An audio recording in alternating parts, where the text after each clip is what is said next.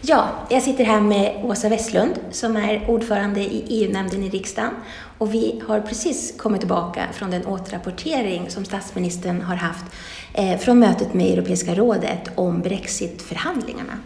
Eh, Åsa, när är det som britterna röstar om avtalet? Britterna röstar, som jag förstår det, den 11 december eh, och eh, för att avtalet också ska börja gälla så krävs att Europaparlamentet säger ja.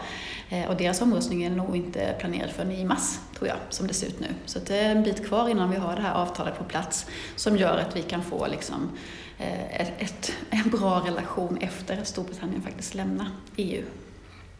Och vilka frågor är det som är, har varit svårast eh, nu när man har jobbat fram det här avtalet? Eh, det svåraste har ju varit att vi har vant oss vid att Storbritannien är en del av EU. Eh, att vi har kunnat resa och till och med bosätta oss i EU. Det är ju 100 000 svenskar som bor i eh, Storbritannien.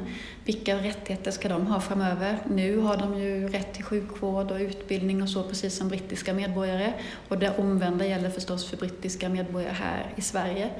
Eh, men om Storbritannien lämnar EU, då försvinner ju allt det här egentligen. Och nu är vi i alla fall överens om att vi ska ha det så lika som nu som möjligt framöver.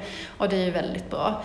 Det andra är ju att företag också har vant sig vid att kunna handla med Storbritannien. Eh, på samma sätt som man handlar mellan Skåne och Småland så kan man handla mellan Sverige och Storbritannien. Nu blir det kanske då plötsligt en större skillnad. Eh, målet för oss är att det ska vara så lite skillnad gentemot den nuvarande situationen som möjligt. Men det finns ju de som vill ha en större skillnad, inte minst i Storbritannien, att de ska vara helt fria från den europeiska marknaden. Och då betyder det ju ja, möjligen tullar och det betyder olika liksom, eh, regel, ja, ganska mycket regelkrångel helt enkelt. Men den riktigt stora frågan, eh, det är ju Irland mm. och Storbritannien som ju, eh, jag var på ett möte här i Österrike förra veckan där jag hörde irländare prata om Brexit och eh, de, de var ju alltså väldigt sårade eh, och upprörda över att Storbritannien överhuvudtaget liksom har fattat det här beslutet om att lämna EU utan att prata med Irland, hur det påverkar Irland och hur det påverkar freden på Nordirland. Mm. För att Nordirland tillhör ju samma ö som Irland, ligger på samma ö som Irland. Eh, och frågan är var ska gränsen mot EU gå? Ska den gå liksom mellan Nordirland och Irland eller ska den gå i liksom vattnet mellan Storbritannien och... Allting blir ju egentligen fel. Eh, så att vi har ju liksom skapat en väldigt... Alltså, eh, Storbritanniens utträde ur EU skapar en ny gränskonflikt på Irland. Och det riskerar, som irländarna ser det också, att liksom destabilisera regionen, att man liksom inför någon slags eh, gränsbevakning igen och så. Och i det här avtalet så har man ju försökt göra det här så enkelt som möjligt, att man faktiskt ska ha en öppen gräns, är ju målet mellan mellan liksom Storbritannien och Irland även framöver och jag hoppas verkligen att det kan bli så.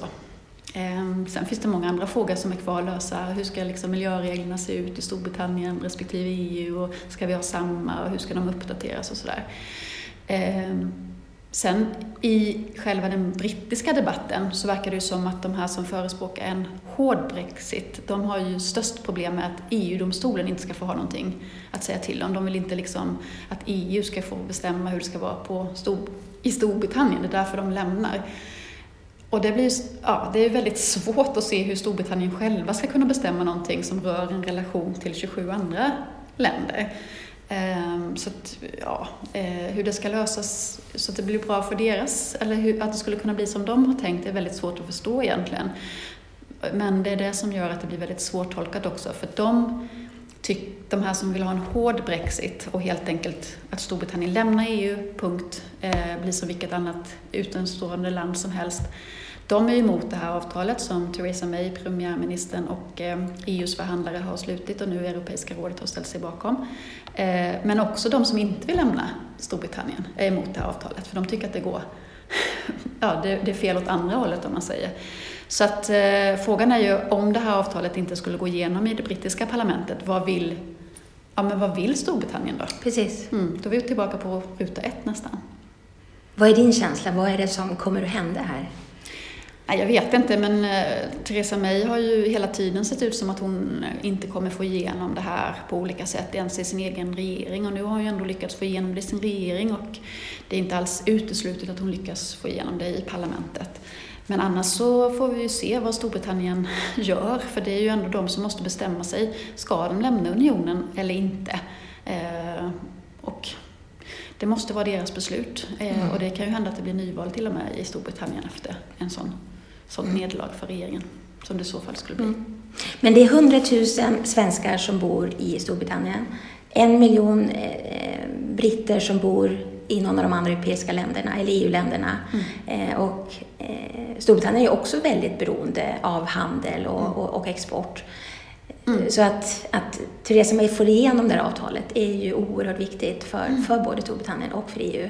Ja men verkligen. Och vi har ju som Sverige, som nation haft jättemycket gemensamt med Storbritannien i EU-samarbetet. Eh, e synen på frihandel, synen på att bud ja, budgetrestriktivitet inom EU, att EU ska inte ha för mycket pengar och så, att vi mm. inte vill lägga över mer beslutande makt på EU. Och, ja, en lång rad sådana viktiga institutionella frågor om, som handlar om hur EU ska fungera har ju vi haft Storbritannien som mm. viktigaste liksom, eh, samarbetspartner. Så det kommer vara ett stort avbräck för Sverige.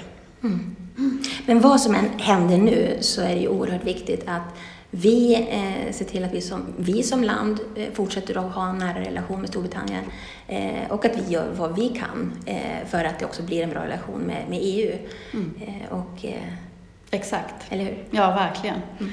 Och det tror jag liksom också att de svenska väljarna och de brittiska väljarna förväntar sig, att vi är så här ansvarstagande och faktiskt ser till att göra det bästa av situationen. Mm. Tack så jättemycket. Ja, tack själv.